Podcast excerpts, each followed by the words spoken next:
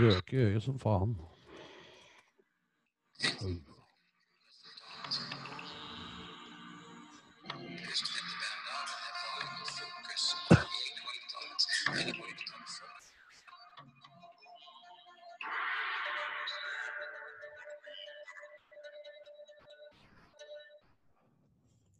Velkommen, 3SM-podden. Stian Stinallo her. I dag er jeg så heldig å ha eh, fått til et intervju med Ja, Vegard Andersen.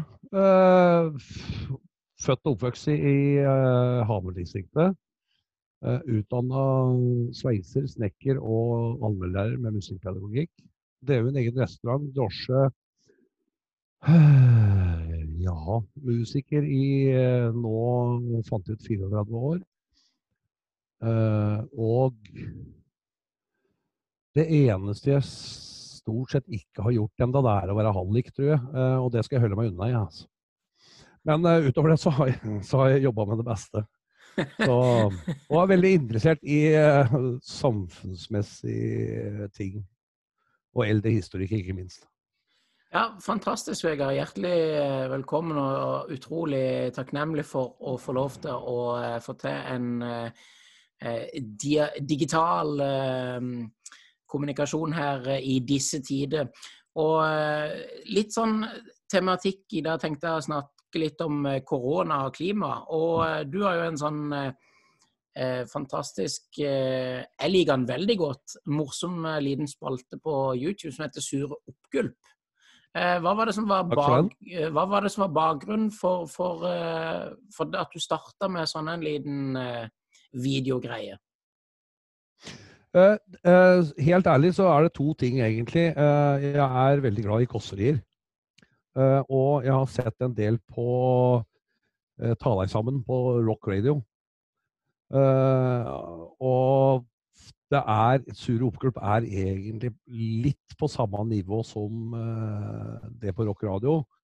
En litt mildere versjon, for jeg henger ikke ut noe særlig med folk eller folkegrupper sånn sett. Men eh, det er hovedårsaken. Og pluss at det, til tider så kan det være veldig greit å komme med det jeg vil definere som I stedet for å ta det ut på kjerringa, så tar jeg det ut på eh, YouTube. Veldig grei eh, måte å gjøre det på. Eh, For da kan jeg prøve å beholde den positiviteten jeg normalt sett har eh, i hverdagen. Ja, det er jo fantastisk, Vegard. Det er jo eh, Så, så da forsto jeg riktig at det er litt sånn Litt sånn som den Radio Rock Ta deg sammen! Eh, bare, at, eh, bare at det er din egen liten vri på det. Jeg tenker jo eh, hvordan, eh, hvordan ser du på året 2020 og korona og klima? Du, altså øh, åh, det, det, Vil du ha et kort, eller vil du ha et langt svar? du, altså Når det gjelder koronaen, så for mitt vedkommende personlig, så uh, ble det egentlig litt sånn dobbel uh, sak. For det, egentlig skulle jeg reist til uh, Tyrkia først, så jeg var der i 1. mai, og skulle være der til 1. november som musiker. Det gikk dårlig. Eh, så det var et skjær i sjøen for mitt vedkommende, eh, sånn inntjeningsmessig sett. Eh, Det som jeg da valgte å gjøre, er å begynne å restaurere ting hjemme. eh, Og faktisk har fått gjort veldig mye hjemme av restaurering og bygging og slike ting. Så der var det veldig positivt. Så jeg, det er både positivt og negativt for mitt vedkommende. Jeg ser jo det, dette med hensyn til korona, at Det har tatt veldig mye psykisk på folk som ikke er vant til å leve slik som jeg gjør. Eh, Jeg er sjelden ute fra gardsplassen, skal jeg være helt ærlig. Eh, For kjerringa jobber til daglig, eh, og hun er innom butikken, så jeg er vant til å være mye alene. De som ikke er vant til det og Jeg ser jo det sånn som noen som sto og skrek nede i Oslo nå pga. barer og puber var stengt. Uh, Syns det var litt bortreist uh, oppi huet mitt. For jeg kan gjerne være alene en måned, altså uten teknologi, uten kontakt med folk eller noen ting. Så det er min vane.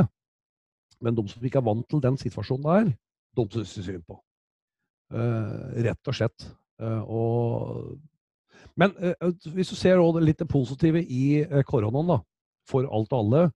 Influensasesongen i år har jo vært skremmende liten.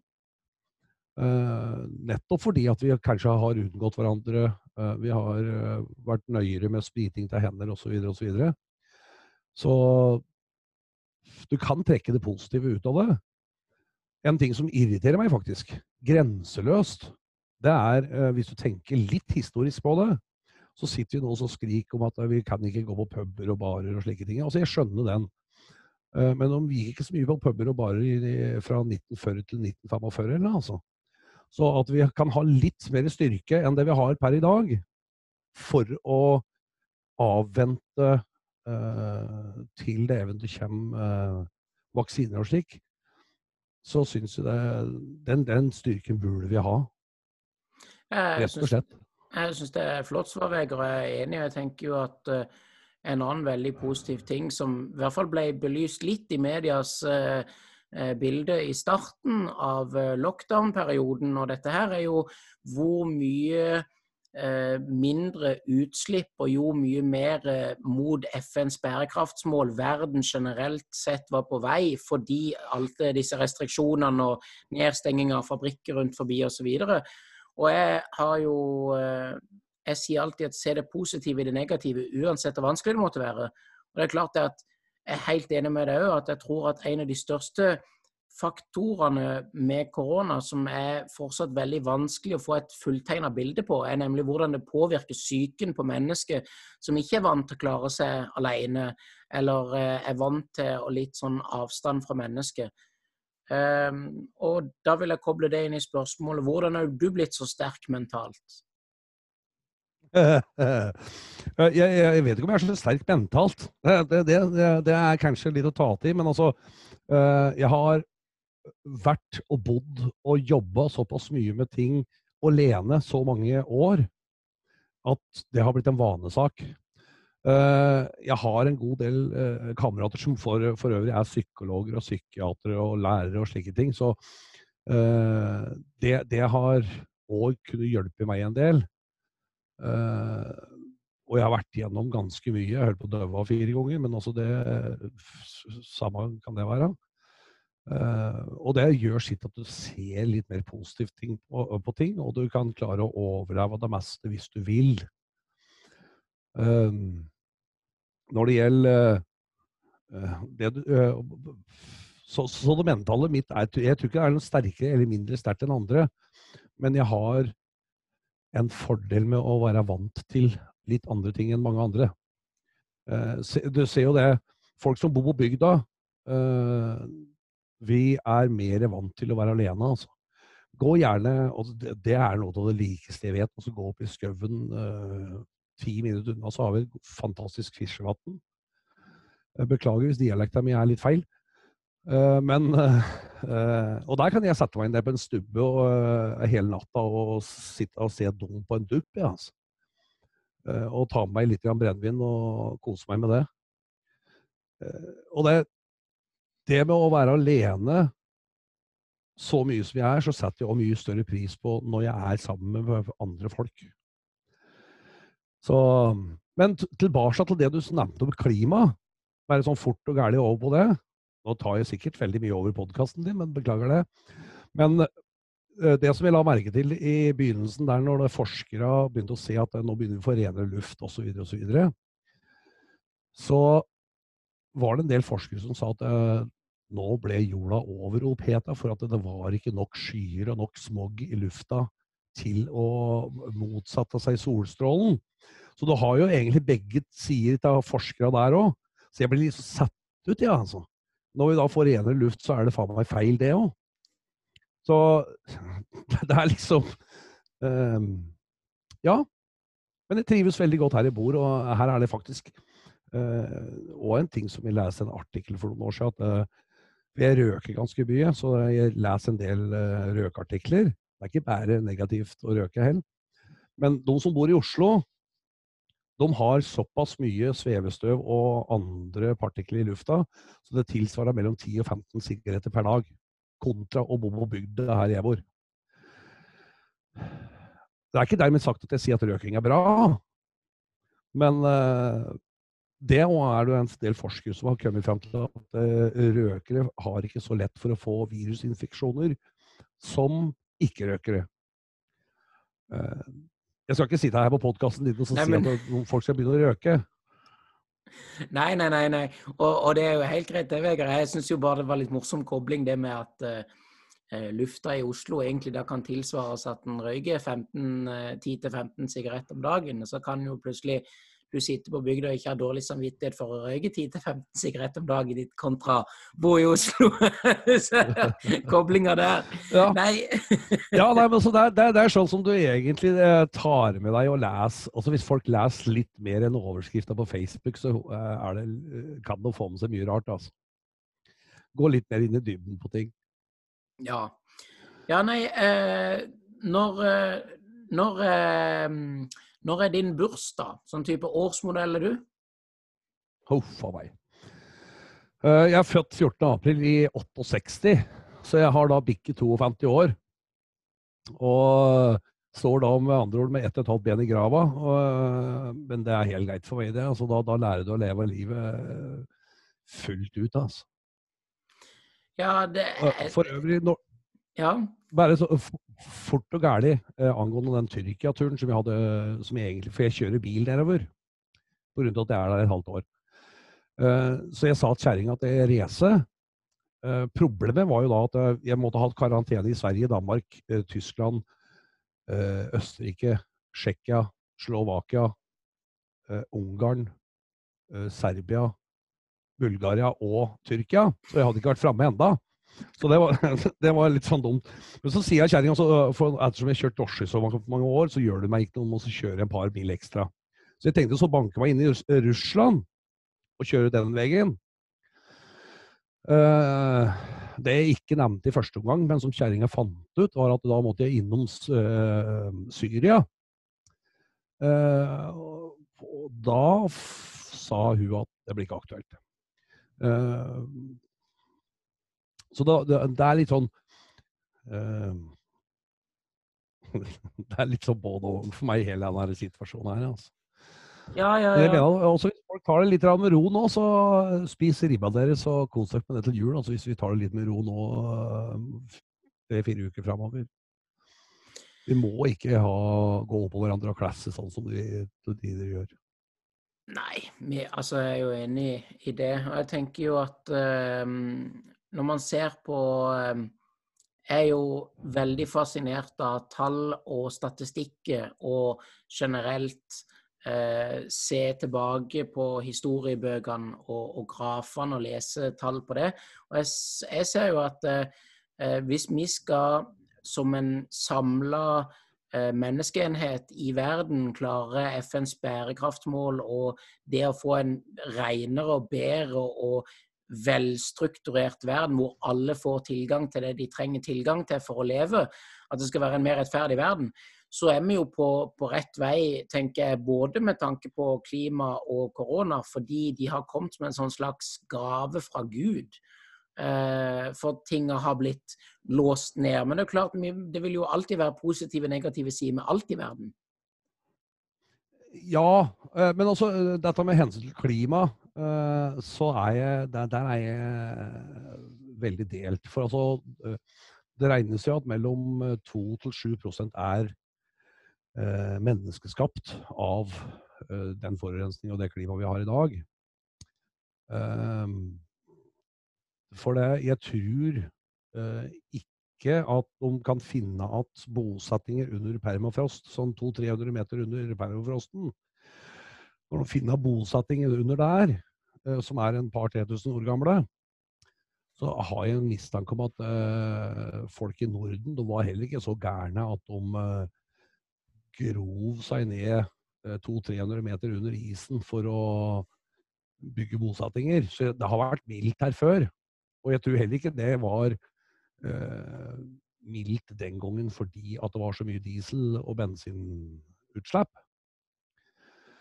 Eh, når du òg ser på det eh, historisk sett, så blir det en litt så merkelig eh, sak for meg. Men så har du òg det med hensyn til det de har funnet ut nå, at jordkloden og Pola har forskjøvet seg ca. to grader. Det vil si at Golfstrømmene, også havstrømmene òg forskyver seg, så det blir varmere av den grunn. De regner med at, for dette har skjedd før, de regner nå med at Pola vil forskjøve seg ca. én grad til før det begynner å gå tilbake til normalen. Og det skjer med visse års mellomrom. Så det er, dette med klima er jeg litt usikker på. Uh, om det er så veldig mye menneskeskapt. Også du ser at det er plasthelvete som er nå, unnskyld uttrykket. Uh, i, i, Norge, ja vel, vi kan, vi kan gjøre våres for å få ting her òg. Du ser jo sånn som i India og en del andre land som det renner elver ut av plast. Den er jeg mer redd for enn eksosen i Oslo, altså. Et uh, cruiseskip forurenser jo omtrent like mye i løpet av et døgn som 10 000 dieselbiler gjør, så uh, da burde du må ta bompenger til cruiseskip, mener jeg. Og så har du òg det. Oppi alt det andre så har du det. Når vi ville ha ren kraft, vannkraft, så begynte de å demonstrere oppi Alta, blant annet. Dette her begynner å bli noen år siden. Så og nå begynner de å demonstrere mot vindkraft pga. at ei måke eller to kan fly i disse bladene og daua.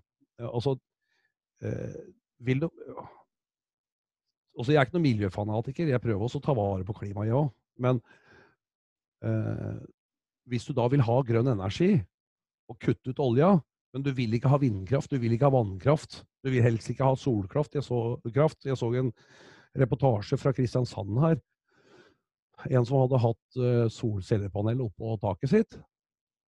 Uh, og det måtte han rive for det skjemme nabolaget. Uh, så prøvde de fra alle vinkler å styre oss selv og se om det kunne skjemme noe som helst, men det var ingen som så på taket. Altså, men det var bare kommunen som sa at dette må du ta ned igjen. Og da er de ikke så veldig interessert i grønn energi, mener jeg. altså. Så det blir, en, eh, altså jeg, det blir som jeg sier at folk at altså jeg er så veldig glad for at jeg ikke har moral, for da slipper jeg å ha en dobbeltmoral.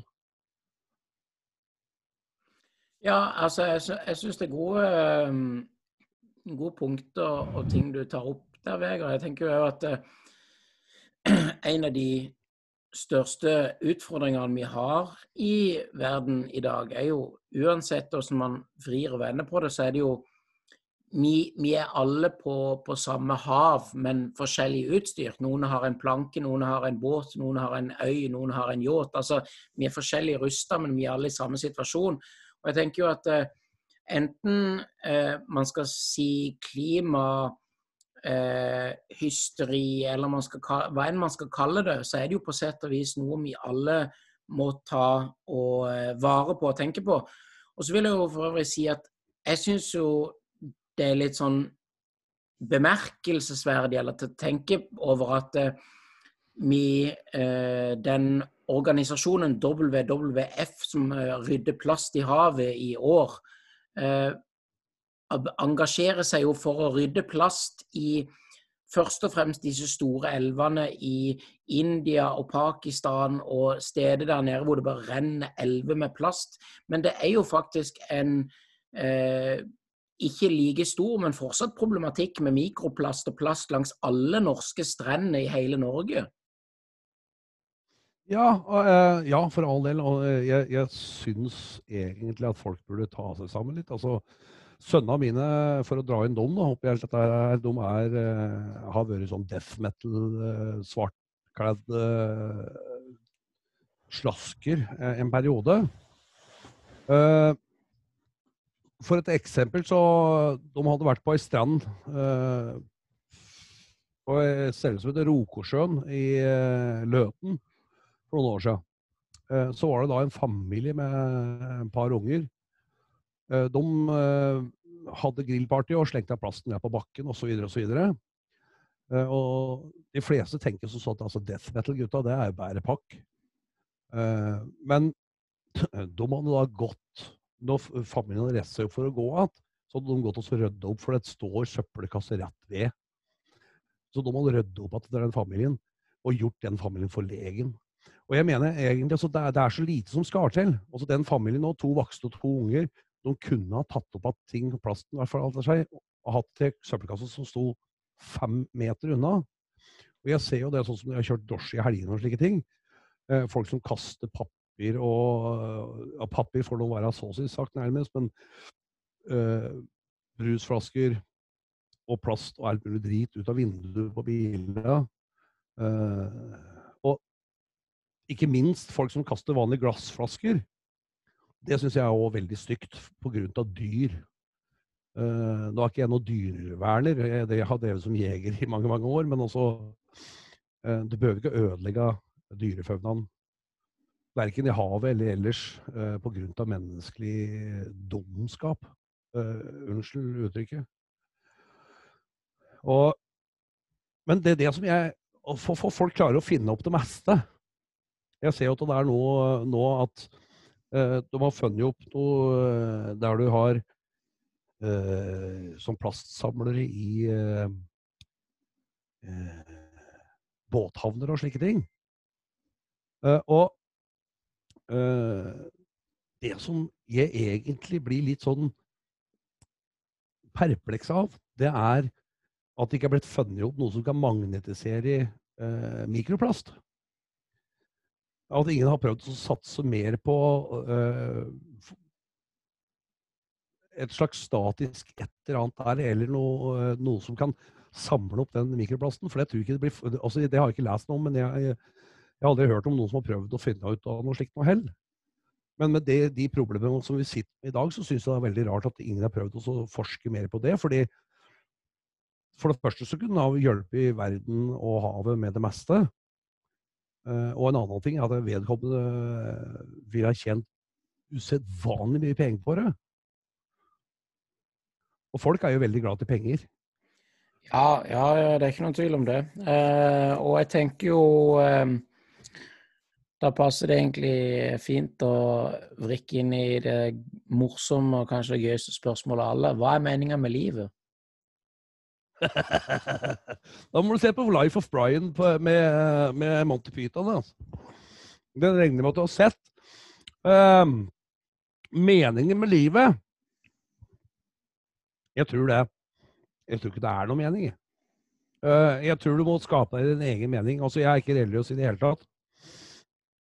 På noen som en slags måte. Men uh, jeg tror den tida vi har her, den får vi bare ta godt vare på. Og så får vi leve uh, det beste ut av det. noen har meninga med med at de skal ha Eh, mest mulig kapitalvarer og ting. Jeg har jobba livdritten til meg for å få tak i ting opp gjennom åra. Eh, nå som jeg har fått fem barnebarn og diverse slike ting, så livet mitt går jo på å kunne kose seg hver dag. Altså. Og når jeg står opp om morgenen og kjenner at jeg ikke er døv, da lever jeg dagen min ut ifra det. Og en annen ting, sånn som Jeg vet ikke åssen det er eh, rundt i landet ellers, men alt eh, Og det har jeg lært sønnene mine nå. altså Du kan få tak i alt på Finn, har jeg funnet ut. Eh, og i stedet for at ting skal kastes altså jeg har Det meste jeg har bygd opp rundt her, faktisk, både på kontoret mitt og Uh, mye som jeg har inne, det er ting som jeg har fått tak i som er kanskje tre-fire år gamle, som jeg har fått tak i på Finn. Altså. Det, så jeg, jeg, har sansen for gjenbruk. Det er kanskje for at jeg ikke gidder å bruke penger på tull. Ja, ja, ja. Røk og brennevin er kanskje tull, men uh, for all del. Så meninga med livet for min del er altså å leve av det fullt ut her og nå. Ja, jeg syns det var et flott uh, svar, Vegard. Jeg syns jo at uh, Gjenbruk er tipp topp tommel opp. Det er fantastisk. Det er noe av det mest uh, bra du kan ha. Eh, ikke, ikke alle disse bildene bak meg her, men noen den, den rett bak meg her med masse tekst, eh, som Think Freely og sånn, den kommer fra gjenbruksbutikk. Og jeg syns man får tak i mye bra der. Og så er det jo veldig det der med å gi det et ekstra eller et nytt og forlenga liv, istedenfor at det skal bare liksom bli kasta eller ødelagt. Eh, det syns jeg er veldig viktig. Hva er ditt eh, første minne i livet? Nå har jeg såpass dårlig hukommelse at det, der, eh, der sliter jeg, altså. Mitt første minne det, det må være fra den gangen jeg var seks-sju år gammel og fløy på stranda jeg, og badet og svømte mye. Nå bor jeg ved Mjøsa. Og jeg har alltid vært glad til å svømme. Uh, så kamerater etter skoletid og slike ting Så jeg tror ikke jeg har noe særlig med minner før jeg var en seks-sju år gammel. altså. Det, men jeg har, i motsetning til veldig mange andre, da Visstnok så har jeg Altså, jeg har ikke så mye jeg kan klage på i barndommen, jeg, da. Og jeg hadde det veldig fritt og Nei, jeg hadde egentlig Jeg har hatt en jævla fin barndom. Har jo, det har jo skjedd ting i min barndom òg, men altså det er Ja vel. Ting skjer. Og et av de mest smertefulle minnene jeg har, det var når jeg datt skrevs over på en uh, sykkel en gang da jeg var ti-tolv 10-12 år gammel. Uh, det var ikke godt, altså. Så det er en av de første smerteminnene jeg har. Men jeg har stort sett positive minner. Og ikke minst ferieminner, for mor og far min tok oss med på biltur i Europa mye, sånn som til Italia, Østerrike, Frankrike og slike ting da jeg var yngre. Uh, og, husker, og, det husker jeg egentlig fra skolen, i andre eller tredje klasse. Så var jeg flau. Så jeg turte ikke å si henne jeg hadde vært den, for da hadde vi vært i Italia, i Venezia. Og klassekameratene mine snakka om at de, også, de har vært på Lillehammer, og de har vært i Bergen, og de har vært liksom Jeg hadde faen ikke vært nord for Lillehammer, jeg, altså. Så jeg turte ikke å si hvor jeg hadde vært den, så jeg sa jo at jeg hadde vært hjemme, jeg, da. Jeg tør i hvert fall ikke å si at jeg hadde vært i Italia en tur. Uh, så det, det, men det er sånne minner som sitter igjen. Uh, og jeg tror de fleste av oss har lett for uh, å samle på de positive minnene vi har i livet. Eh, dessverre så er det veldig mange som samler mer på de negative, og de graver seg ned i sin egen grav. Beklager, jeg har, jeg har noen ledninger her som slenger og dingler. Ja, det går bra, Vegard. Sånn, sånn, er det. Nei, og, og det er jo veldig eh, interessant og eh, flott at du poengterer det. For jeg tenker jo Hva kan på sett og vis være eh, det beste tipset ditt for folk til å fokusere på eh, de positive? For en eh, Det er veldig mange som har en tendens til å automatisk peke på de negative, eller dra fast i, eller holde fast med de negative. Det er jo de positive som er oppbyggende og givende framover. Eh, selv om de negative kanskje vil ha en større eh, påvirkning, eller sterkere påvirkningsfaktor på livet, så er jo de positive oftest eh, mye bedre å ruste seg med. Ja, men altså, jeg tror du, altså, uansett hva du, hva du, driver med, så kan du eh, gjøre ting til det positive. Se, altså, se på koronaen nå. Eh, det er jo, altså Jeg vil ikke kalle korona for positivt, men effekten av bl.a. Eh, ikke minst da at en del gamlinger som meg eh, finner ut at digitalisering, det er, det er bra. Altså jeg, jeg, har vært litt på det digitale markedet lenge for den tid, men eh, du ser jo også til og med svigersforeldrene mine som knapt nok kan bruke en sånn Doro-telefon. Og da snakker vi ikke smarttelefon. Altså. Eh, de er én av tre stykker som har hatt fasttelefon i Norge, tror jeg. Eh, og de har òg begynt å bruke digitale medier. Og uh, ser jo det på nyheten som var, at uh, folk brukte FaceTime. ja, Zoom har jeg akkurat begynt å bruke i dag sjøl, Men altså, en del slike ting at vi oppdager kanskje litt nye verdener, da. Og det, det var vi nesten avhengig av. og det tror vi kan bruke framover òg. Og den friheten, se, ikke minst Dattera til eksen uh, har slitt litt på skolen uh, pga. mobbing og diverse slike ting. Nå som hun har hjemmeskole, så får hun mye, mye bedre karakterer, blant annet. Så at vi kan uh, trekke det positive ut og av det vi nå er igjennom, det, det er gull verdt. Altså. Jeg kan nevne en kompis av meg fra Bulgaria, blant annet. Altså, hver gang han kom på flyplass altså Han har drevet som musiker verden over i mange, mange år. Uh, hver gang han kom på en flyplass, og det var et eller annet tull, og det var det støtt. Når du skal ha med deg instrumenter og slike ting på et fly, uh, det er interessant. Uh, for det, også jeg har prøvd det sjøl, og det er ikke støtt at jeg har vært like blid ved skranken da. Men så Han ble eitrende forbanna hver eneste gang. Så sier at altså, kan ikke du da heller prøve å si til vedkommende skranken altså, her har jeg et problem, kan du være så snill å hjelpe meg, og prøve å være litt positiv? Da hadde han faen ikke noe trua på. Så han prøvde det på Gardermoen en gang når han skulle hjem til Bulgaria. Der, altså.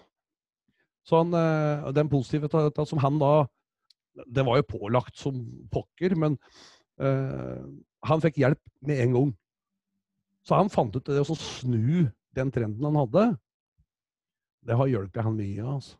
Og det tror jeg egentlig både med digitalisering, korona og gud vet hva det måtte være, at vi kan I enhver negativ situasjon så finnes det noe positivt. altså.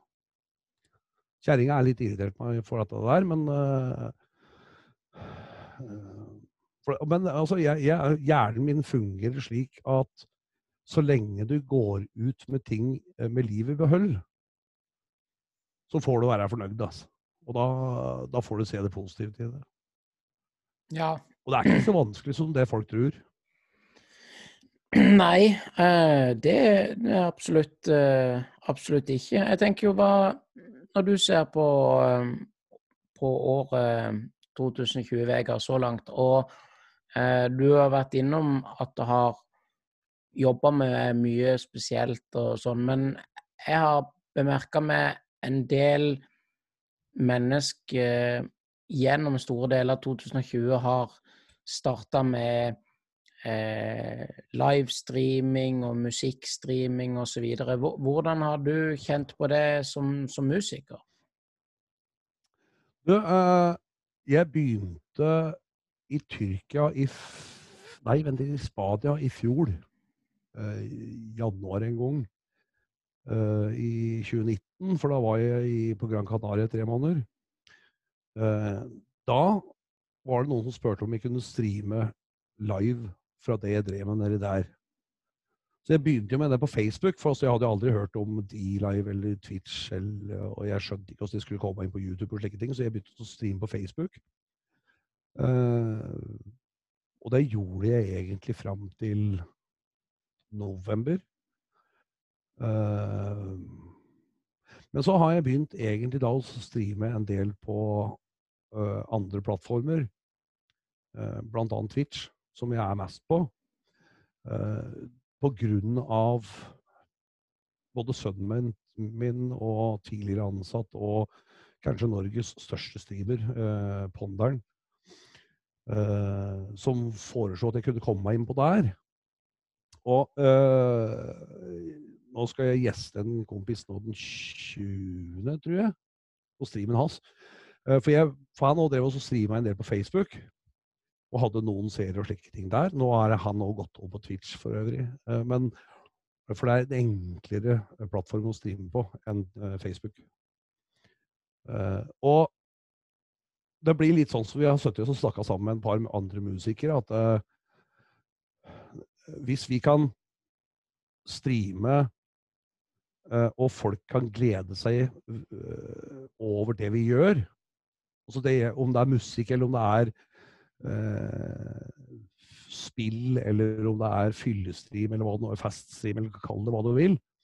Så de fleste som jeg kjenner til, som jeg er eh, nære omgangsvenn med, så gjelder det For noen så gjelder det mye penger, har jeg skjønt. Eh, det er penga som gjelder.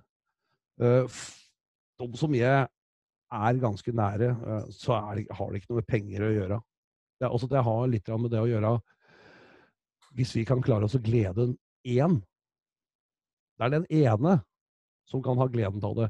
Den ene som psykisk sett sliter, f.eks. enten om det er korona, eller om det den har sosial angst, eller hva det måtte være for noe, så er det den ene vi egentlig er ute etter. Og en annen ting eh, som gjør at jeg streamer da hver lørdag Dette her blir mye reklame, altså. Men eh, eh, Det er litt sånn kynisk fra min side, men eh, da jeg ikke kan spille ute, så må jeg øve.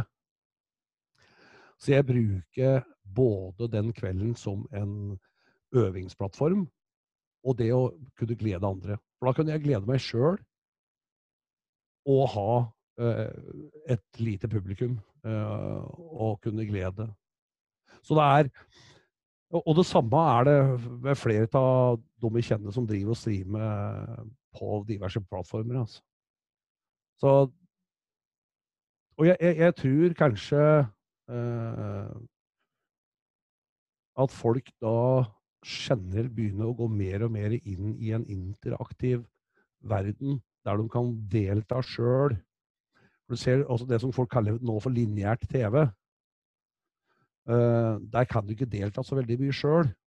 Men når du kan da være på en kanal uh, som du får direkte tilbakemelding fra streamere der og da, det tror jeg er òg veldig godt for dem som kan skjule seg bak et nickname og øh, kanskje ha sosial angst, kanskje ikke komme seg ut så mye osv. osv.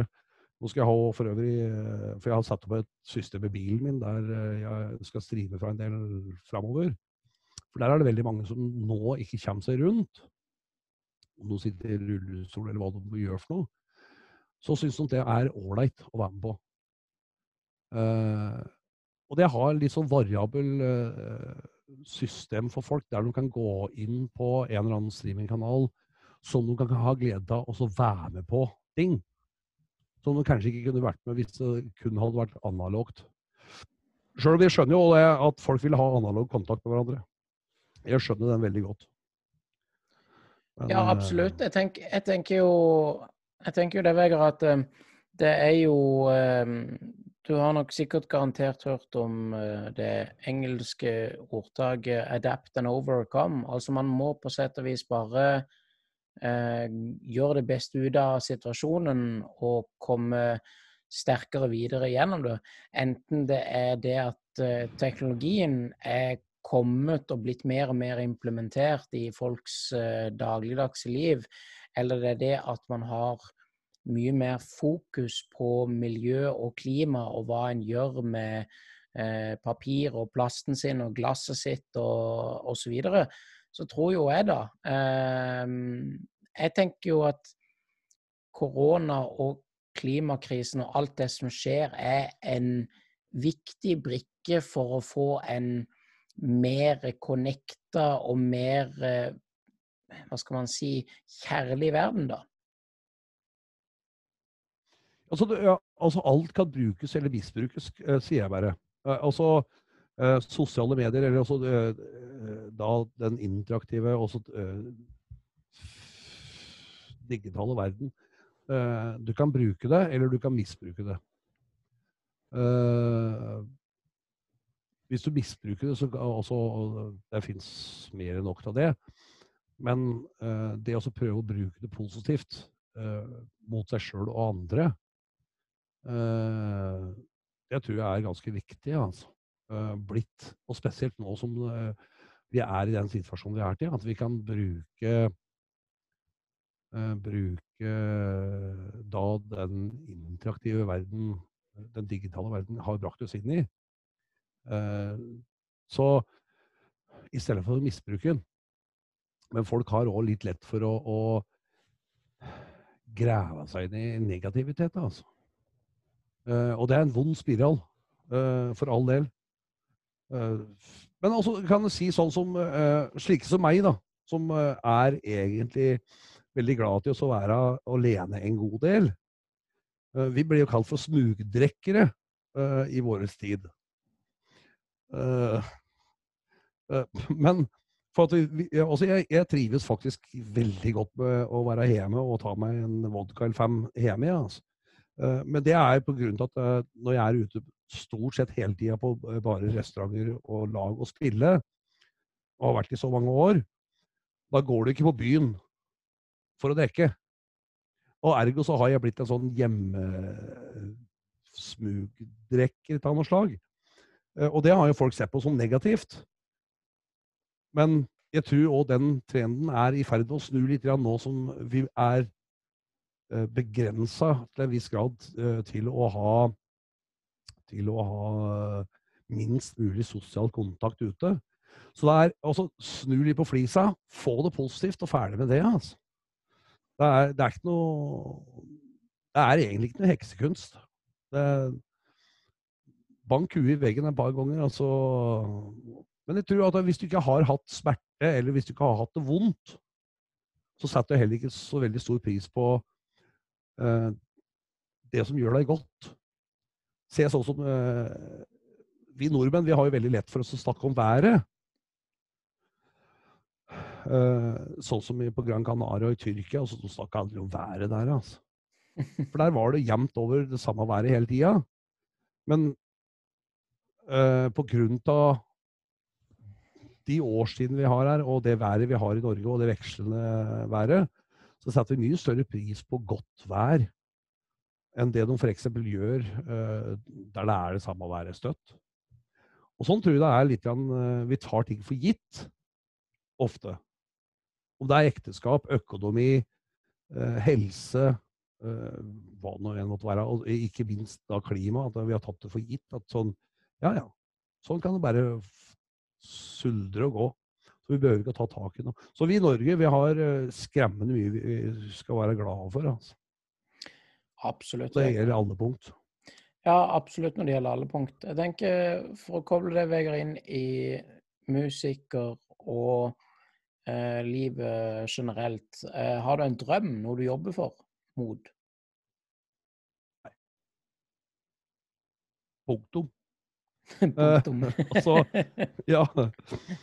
Eh, jeg har levd livet mitt på godt og vondt såpass mange år at uh, jeg lever fra dag til dag. Uh, som jeg sa tidligere, så jeg har holdt på å tatt kvelden fire ganger. Siste gangen var nå for fire år siden. Da jeg kom ut fra ei bilulykke. Jeg unngikk en elg, men jeg unngikk ikke grøfta ved sida av, tre meter. Eh, det var litt uheldig, så jeg knuste hele venstreskjea mi. Men altså, det får nå være så. Så jeg, jeg, jeg, har ikke noen store drømmer jeg, altså, om noe som helst. For jeg vet ikke om jeg lever i morgen. Og ergo så lever jeg dette her, her som om det skulle vært min siste dag. Jeg, Altså. Det gjør jeg støtt. Men det som jeg òg har lagt merke til med hensyn til de negative tingene som jeg har opplevd i livet, da, hvis vi skal kalle det det, ulykker og diverse slike ting, så eh, etter første gangen jeg holdt på og tok kvelden, så oppdaga jeg det faktisk eh, litt etter hvert at jeg så fargen på en litt annen måte i nattene osv. osv. Jeg kjente lukta på en annen måte, og jeg smakte ting på en helt annen måte. Eh, så jeg, jeg fikk faktisk da vridd det at jeg holdt på å daue, til å bli noe positivt. Og det og sånn har jeg levd resten av livet mitt. Så dette her var jo når jeg var en 19-20 eh, år gammel. Men eh, Nei, altså jeg jeg, jeg, jeg, tror rett og slett at hvis vi drømmer for stort, så oppnår vi aldri drømmen, og da går ting i dass. Men hvis vi har litt sånn hver dag at ja, det kunne jeg tenkt meg å gjort i dag når du våkner, gjør det, altså. Og hvis du har et dørgende kjedelig liv, som jeg kaller det, enten om det er jobben din, kjerringa di, gubben din, Eh, eller hva det måtte være for noe. Gjør noe med det. Men vi er litt for redde til å gjøre noe med det. For altså, det er veldig greit å kunne ha Vi vet hva vi har, vi vet aldri hva vi får. Og jeg har jobba med så mye rart og drevet med så mye rart opp gjennom åra, så jeg går jo på ren impuls, jeg, altså. Så og, og, men sånn er livet mitt. Også hvis folk trives med det livet de har, ja vel, fortsett med det. Trives du ikke, gjør noe med det. Så enkelt er det, altså. Det høres veldig banalt enkelt ut. Jo, men Vegard, jeg tror egentlig det høres ganske banalt enkelt ut, fordi at uh, i prinsippet så er det så enkelt, som jeg har poengtert mange ganger på podkasten min, at uh, tenk positive tanker, si positive ord, gjør positive handlinger, og det er det positive som gror. Uh, det høres ganske enkelt ut, for det er ganske enkelt, men det vil alltid være vanskelige eh, mørke, demoniske tanker eller dårlige tanker eller mønstre eller vane eller uvane som vil falle inn, som gjør at ikke det er så enkelt å gjennomføre som det er å si. Eh, tenker jeg da. Eh, og, eh, og, og på, på, på, alle disse her eh, nesten stryker med du har opplevd og sånn, hva er kanskje det viktigste du har hørt og lært i livet?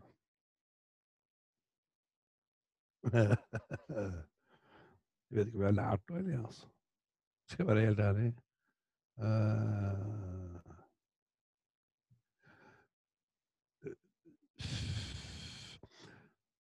ja, uh, av min eks-svigerfar så lærte jeg i hvert fall noe når det gjaldt det yrkesmessige, og det kan jo kanskje òg ta over uh, i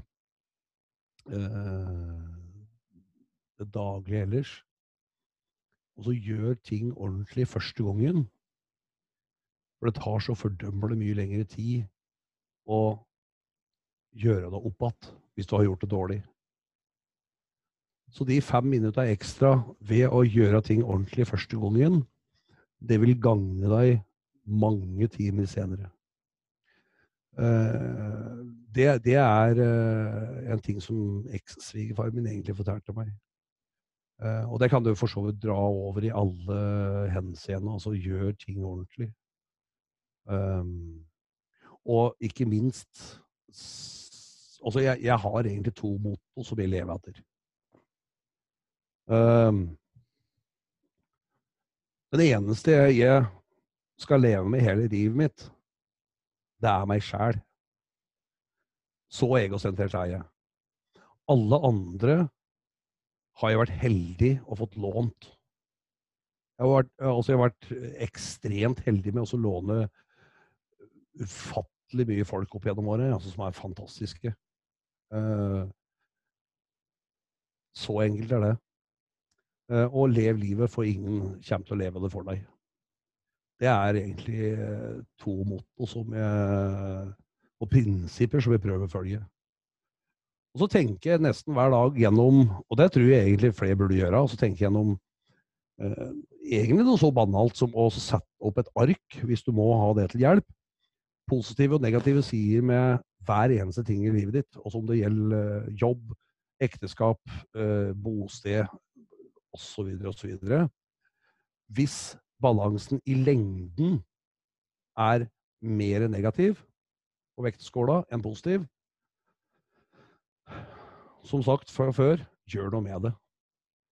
Og det er der du ser, eh, for å dra det inn igjen i klimaet, så er det jo det per i dag så er eh, plastproblemet kanskje det største problemet vi har. Og eh, når det da i såpass lang tid har vært på den negative balansen, så er det nå på tide at folk begynner å gjøre noe med det. Og det er, det er altså øh, Du kan trekke det i alle linjer, altså er livet ditt eller ting rundt deg mer negativt enn positivt. Eh, og det tenker jeg nå hver dag. Ikke, ikke, sånn Jeg setter meg ikke ned og tenker at åssen har kjerringa vært nå siste uka? Uh, hadde det vært den siste uka, forresten, så hadde vi vært skilt nå. Men uh, utover det, så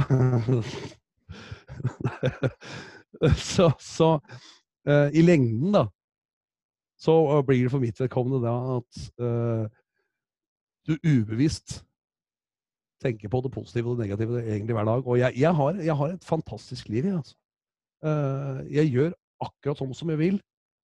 Kjerringa er òg enig til For hun er jo stort sett hjemme når jeg er rundt og på spillejobber og slike ting. Vi har nå vært gift i 20 år.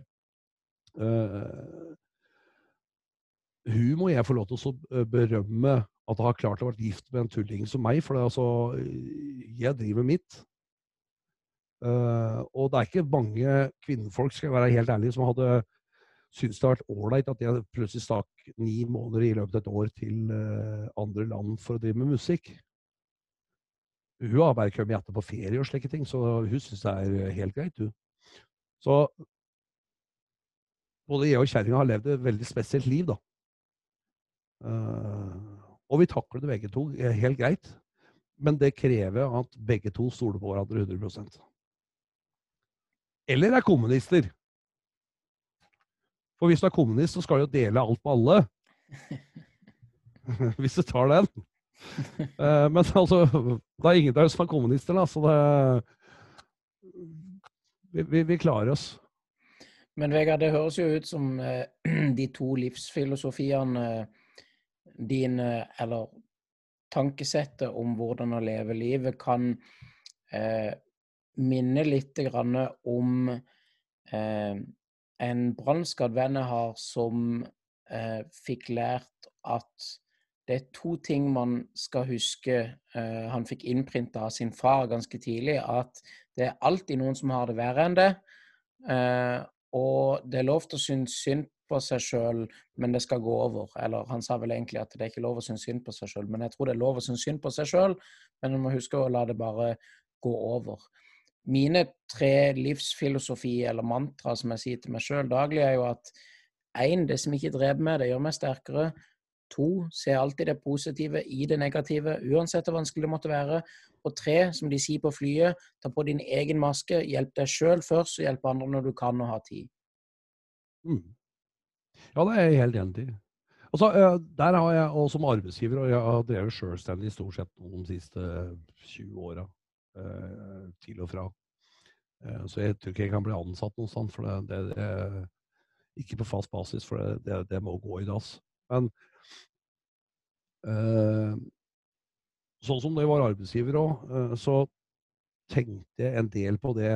Eh, for så jeg, etter den ulykka jeg hadde når jeg var en 19-20 år gammel, så fikk jeg første stadie på whiplash.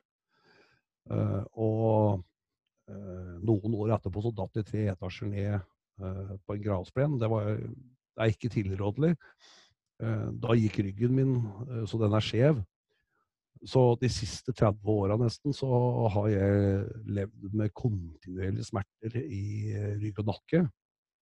Jeg har et høyre ben som ikke er bra. Og nå tok jeg for så vidt venstresida for fire år siden. Eh, og jeg våkner opp da om morgenen.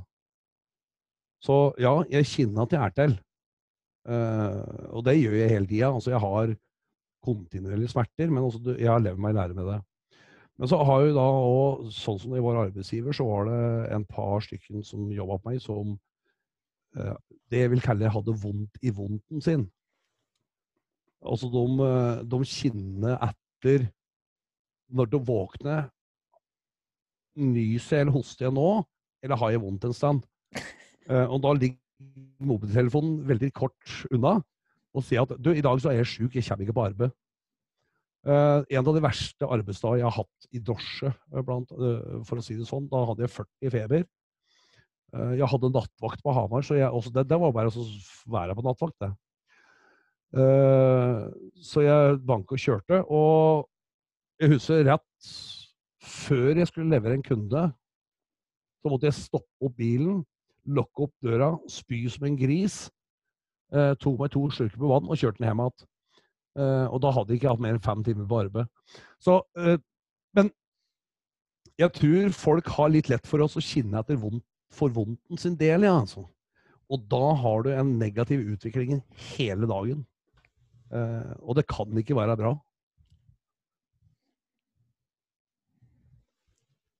Det blir egentlig litt sånn som vi har sagt før, altså med hensyn til krig og diverse Jeg vet ikke om dette her passer på din men nå er vi sannsynligvis på direkten, så du får ikke tatt det vekk. Det går bra. Uh, folk burde ha pult og drukket mye mer enn de gjør. Fordi da hadde det vært mye mindre krig. For hvis de ligger og har seg og får seg, så da får de ikke gjort noe. Og hvis de drikker ganske mye alkohol, så er de såpass ute av drift at da får de heller ikke gjort noe. Så jeg, altså Der har du egentlig, eh, hvis du ser på det positive akkurat der, da Så folk burde egentlig hatt seg, fått seg og drukket mye mer enn det de gjør. altså. Da hadde vi ikke forkasta så mye plast i havet heller.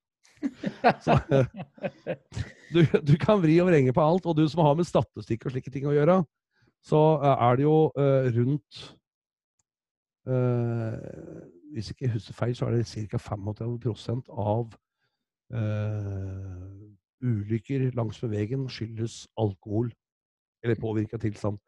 Jeg mener det er ca. 35 Det vil med andre ord si at folk burde ha drukket mye mer når de kjører bil. Og 65 skjer når folk er edru. Så er, altså, du kan vri og vrenge på alle statistikker. Uh, rundt 40% av ulykker skjer i hjemmet. Uh, ergo vi, vi, burde vært mye mer borte, altså. Så du, også, du kan vri og vrenge på alt. Ja, det, det kan du absolutt.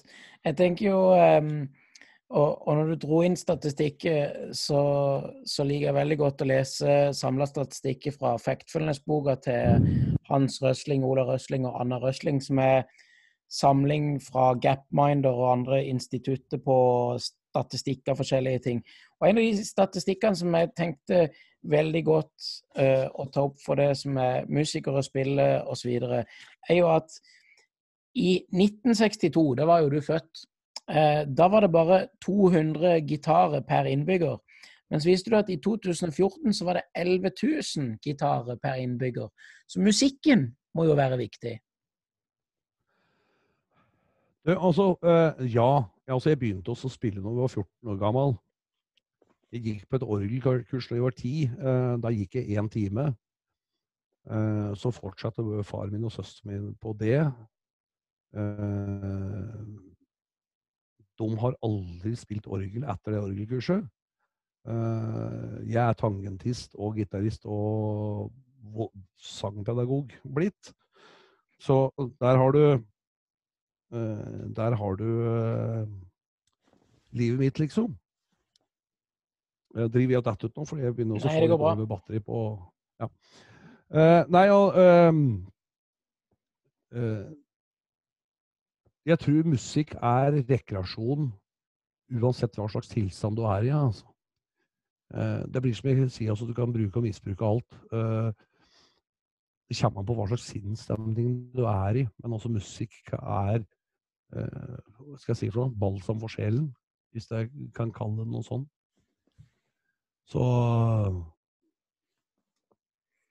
jeg, jeg, jeg, tror musikk er viktig for folk, og har vært det i all sin dag. Ja, altså.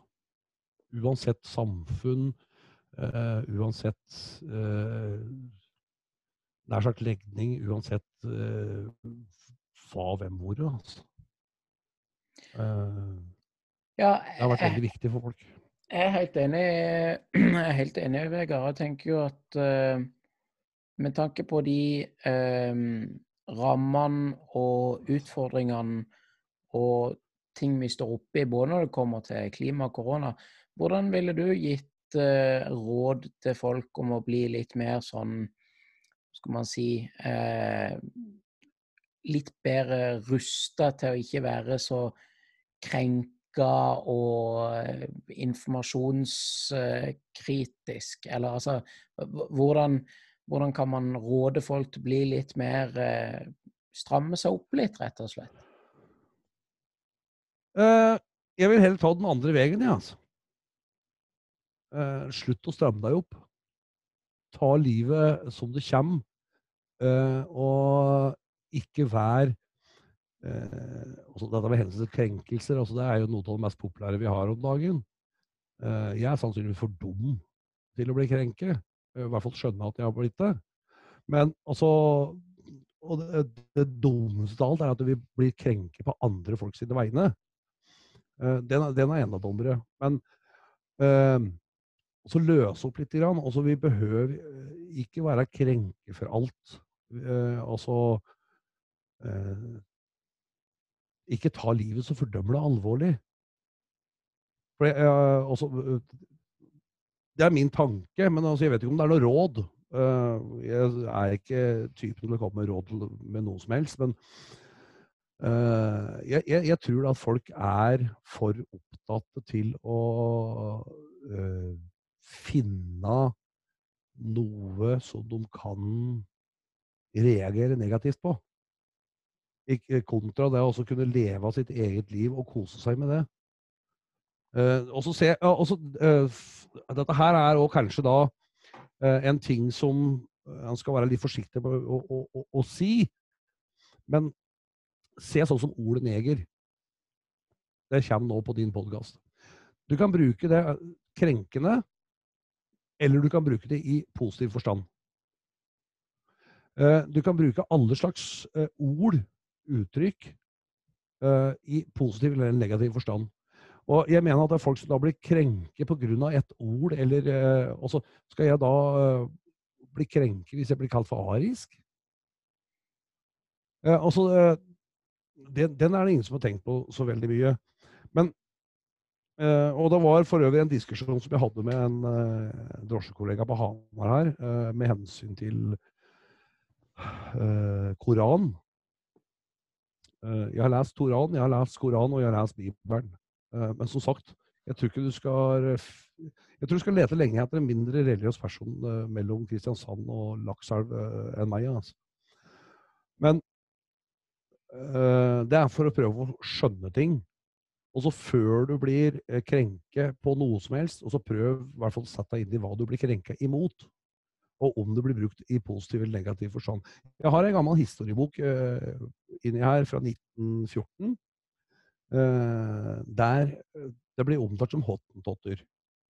Uh, den gangen så var ikke det krenkende, men det er i hvert fall ikke overfor de svarte samfunna. Men det er mer krenkende, syns jeg, sånn som f.eks. på Ål stasjon, som Hellbillies har, at folk er så uvitende om ting.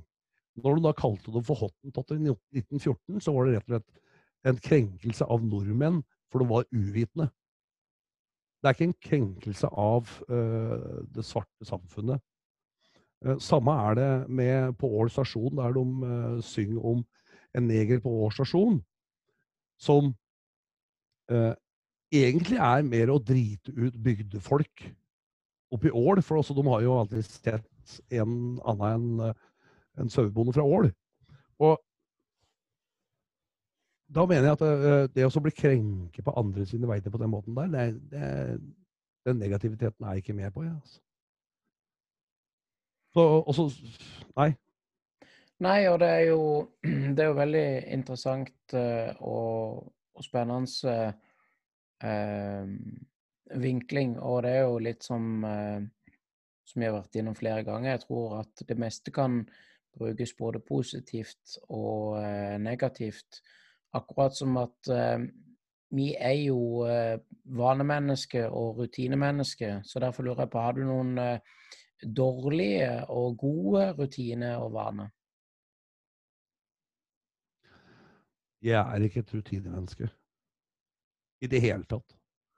Uh, så Altså, jeg har en ekstremt dårlig uvane, og det er røkinga mi. Jeg begynte å røke når jeg var tolv år gammel, og det har jeg gjort siden. Så jeg har vært ganske hard på røkinga i 40 år. Det kaller jeg for en forbanna uvane. Men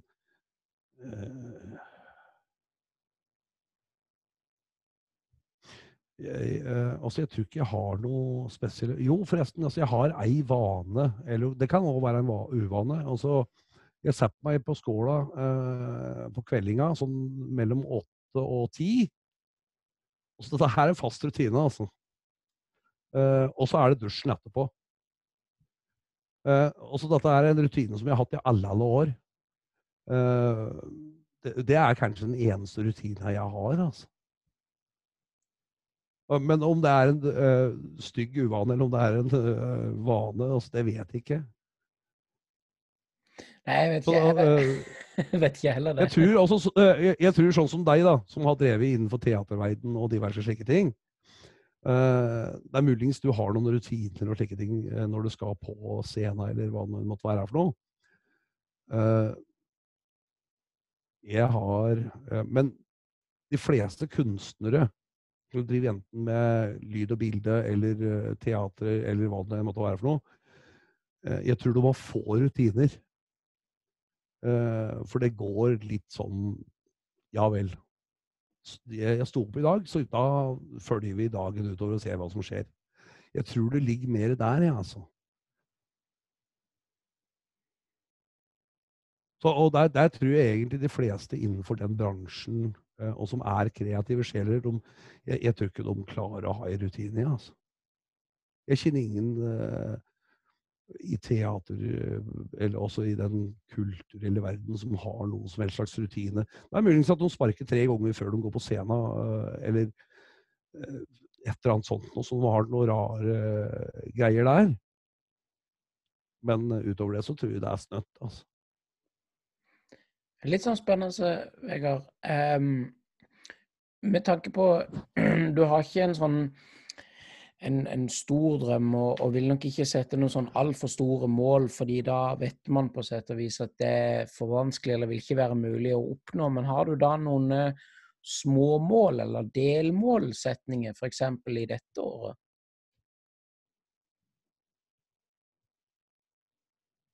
Nei. altså, uh, jeg, jeg, hadde et mål i dag med å lære meg Zoom, som vi er ja. inne på nå. Eh, så det var et mål for meg. Uh, og ferdig med det, liksom. Uh, og så har jeg Nei, altså, jeg, jeg, altså, jeg setter meg ikke noen store mål eller små mål i det hele tatt, Ja, altså. men det er også, som sagt, altså, det, det, det, kommer på grunn av det livet jeg har levd. Altså, kjerringa har en litt annet preget liv der med at hun setter seg som mål å nedbetale det vi har av gjeld osv. Og, så og så hvis jeg har penger til å kjøpe meg sigaretter og ei brødskive om dagen, så er jeg fornøyd. Ja, altså. Men altså, hun, har, hun er den som har litt langsiktige mål. Uh, målet mitt uh, for uh, i morgen det er at jeg våkner opp og ikke er døv.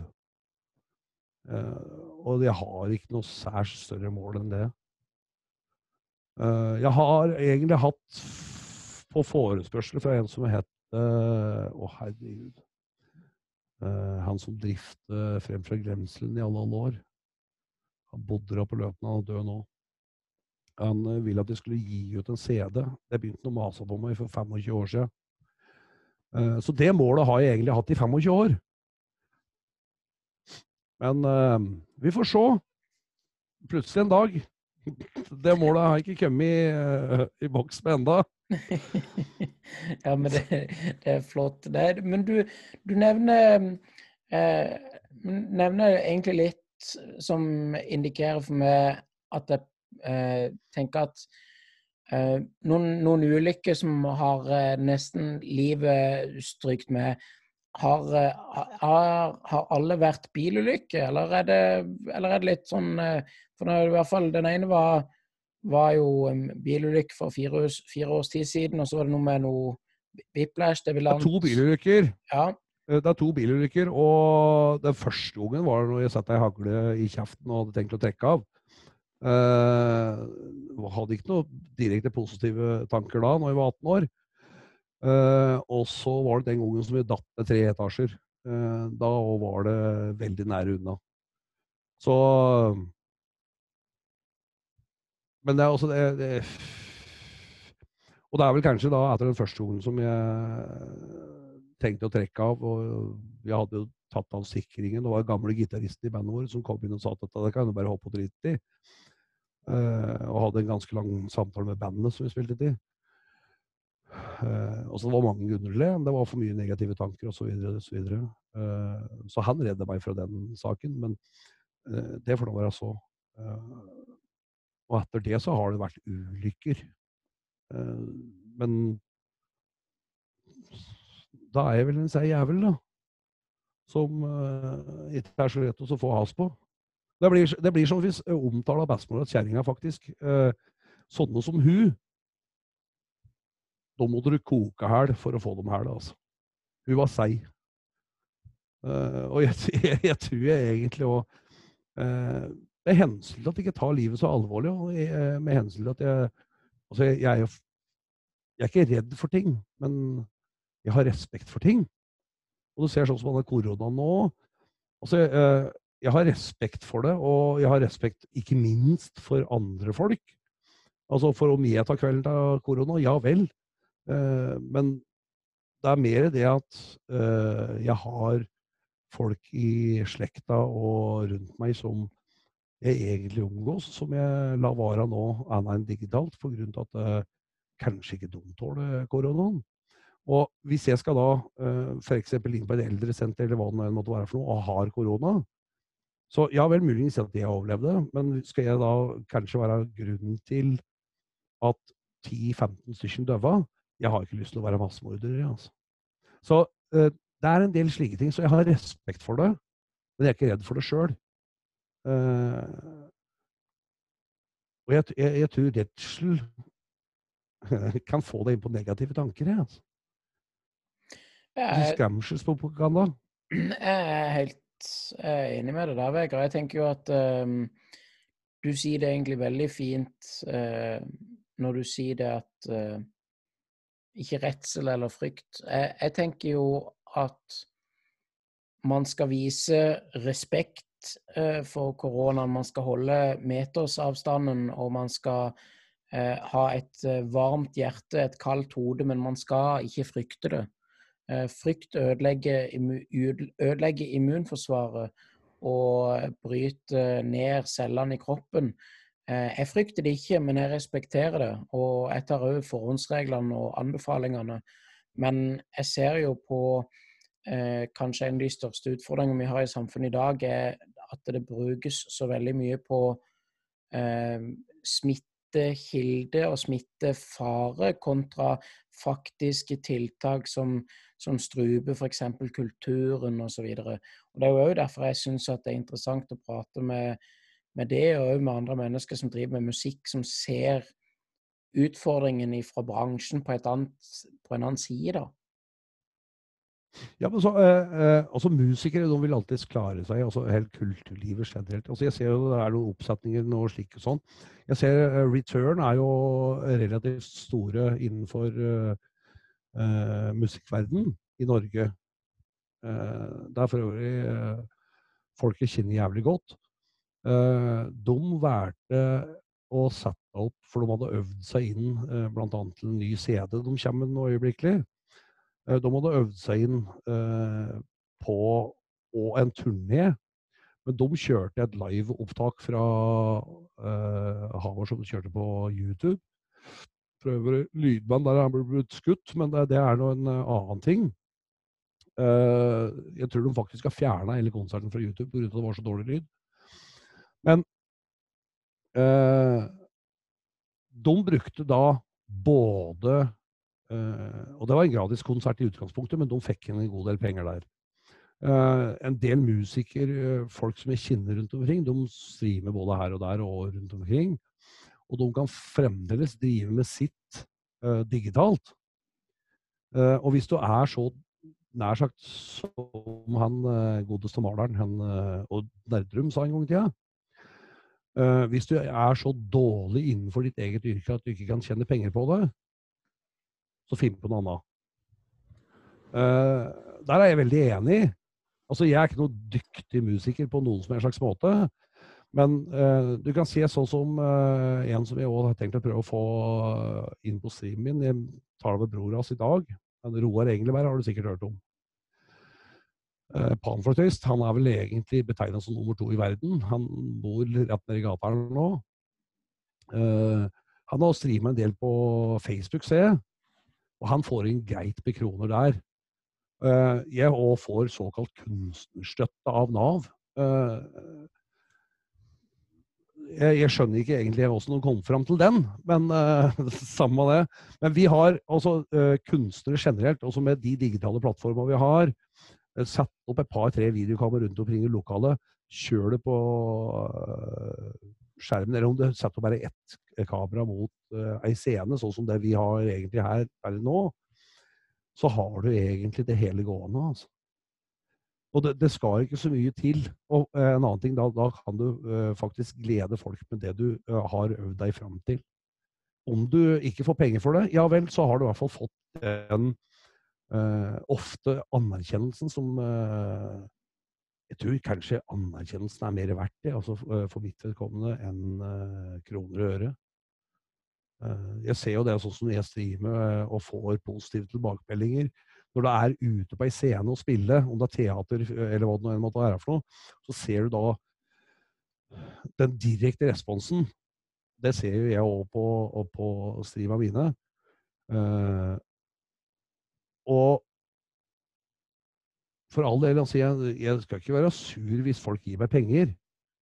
Men uh, den anerkjennelsen som jeg får med kommentarer, de har kanskje vært mer enn de penga jeg får inn. altså. Og det er, det, det er, sånne ting.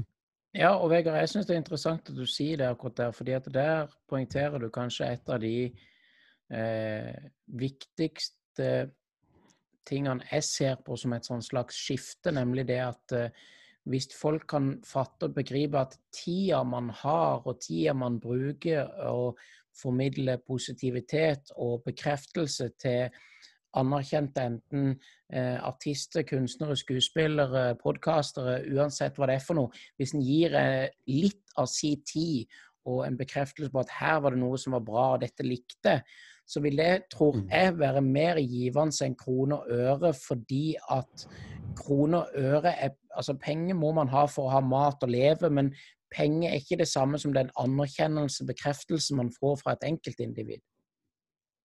Nei, men også der ser, der ser du òg uh, Som sagt, også jeg har drevet med mye rare yrker, bl.a. innen servicebransjen, og drevet min egen restaurant og hatt godt med julebord osv.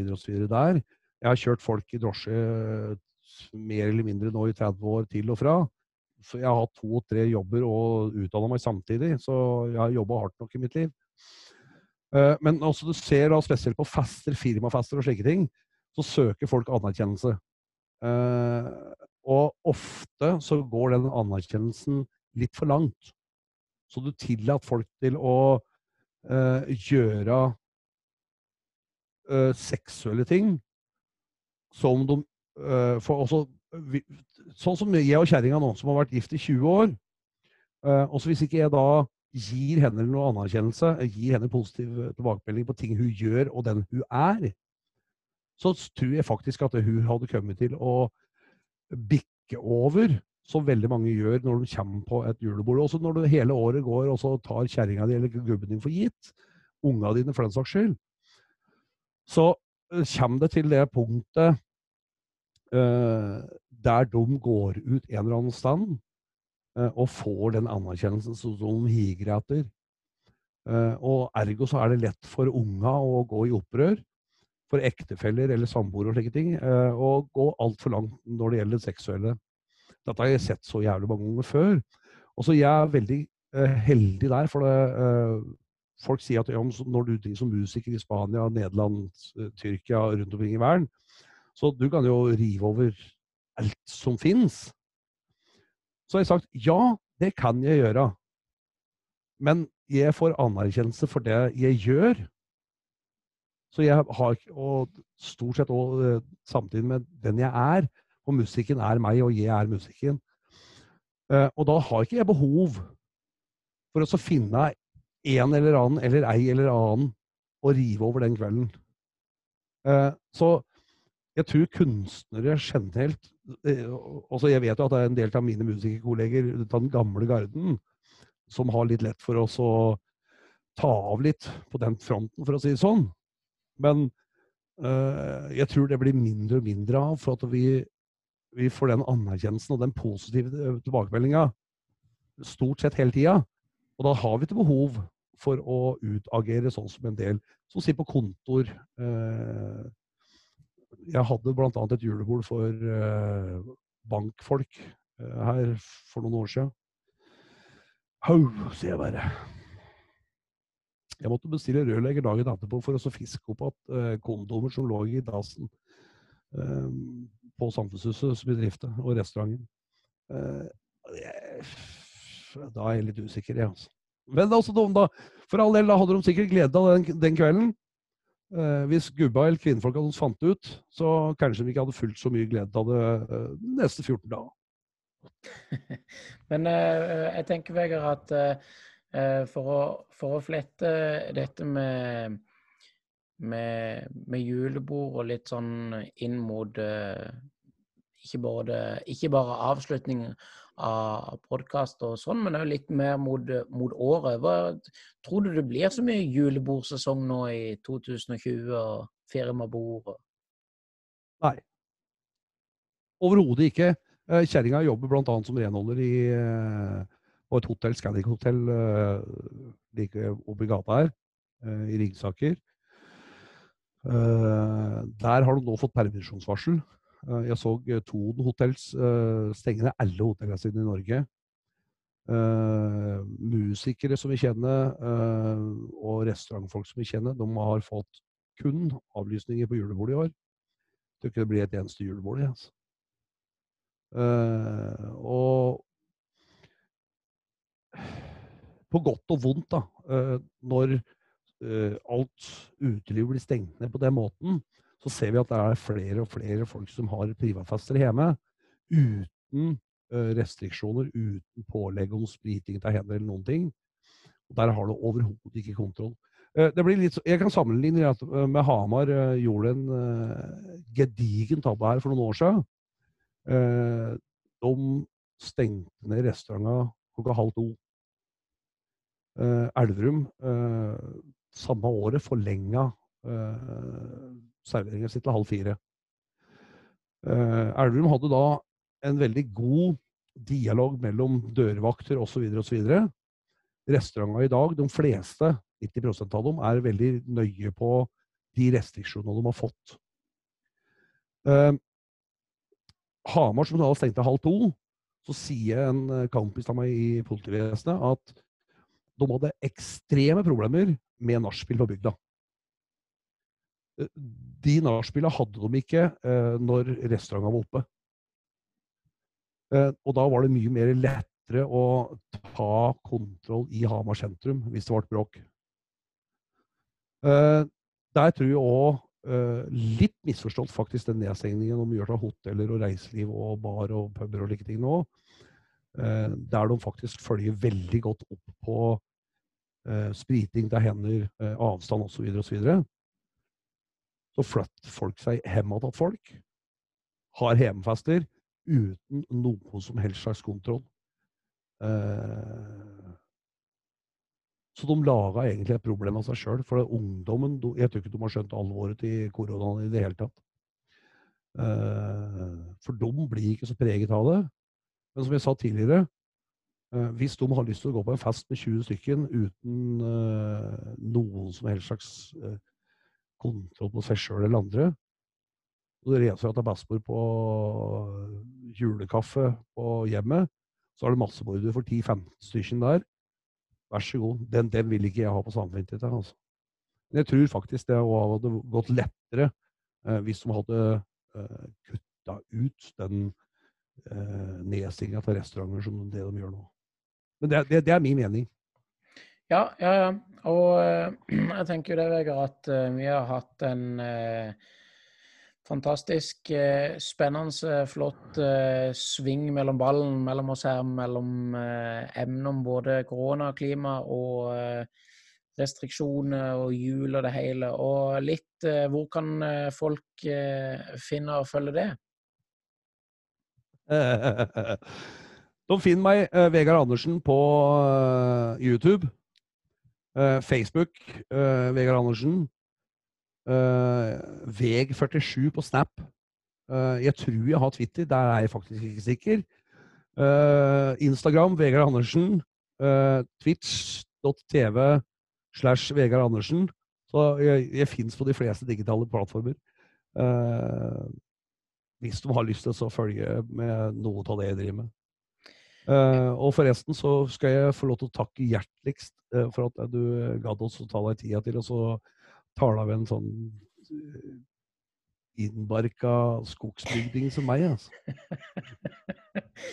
Nei, altså før jeg starter avslutninga så vil jeg si det hjertelig tusen takk, Vegard. Og jeg gleder meg til ting eh, bedrer seg og roer seg, og det blir ordning på ting, så jeg kan få ta turen på besøk. Det blir eh, spennende når den tid kan komme. Og eh, avslutningsvis, som jeg pleier å si, at hvis folk kan hate, så kan jeg elske, så jeg elsker det. Så 3sm.no og 3sm-podden der podkastet er, og 3sm Stian Stinallo på YouTube. Hjertelig tusen takk, Vegard. Dette var jo en innholdsrik, flott prat. Og så gleder jeg meg til fortsettelsen. Tusen hjertelig takk skal du ha for at jeg i det hele fikk være med, og ha lykke til videre. Vi snakkes garantert. Fantastisk, altså. Folk kan hate, så kan jeg elske. Jeg elsker det. Instagrammen min ssshow2020. Nettsida mi 3sm.no. du elsker.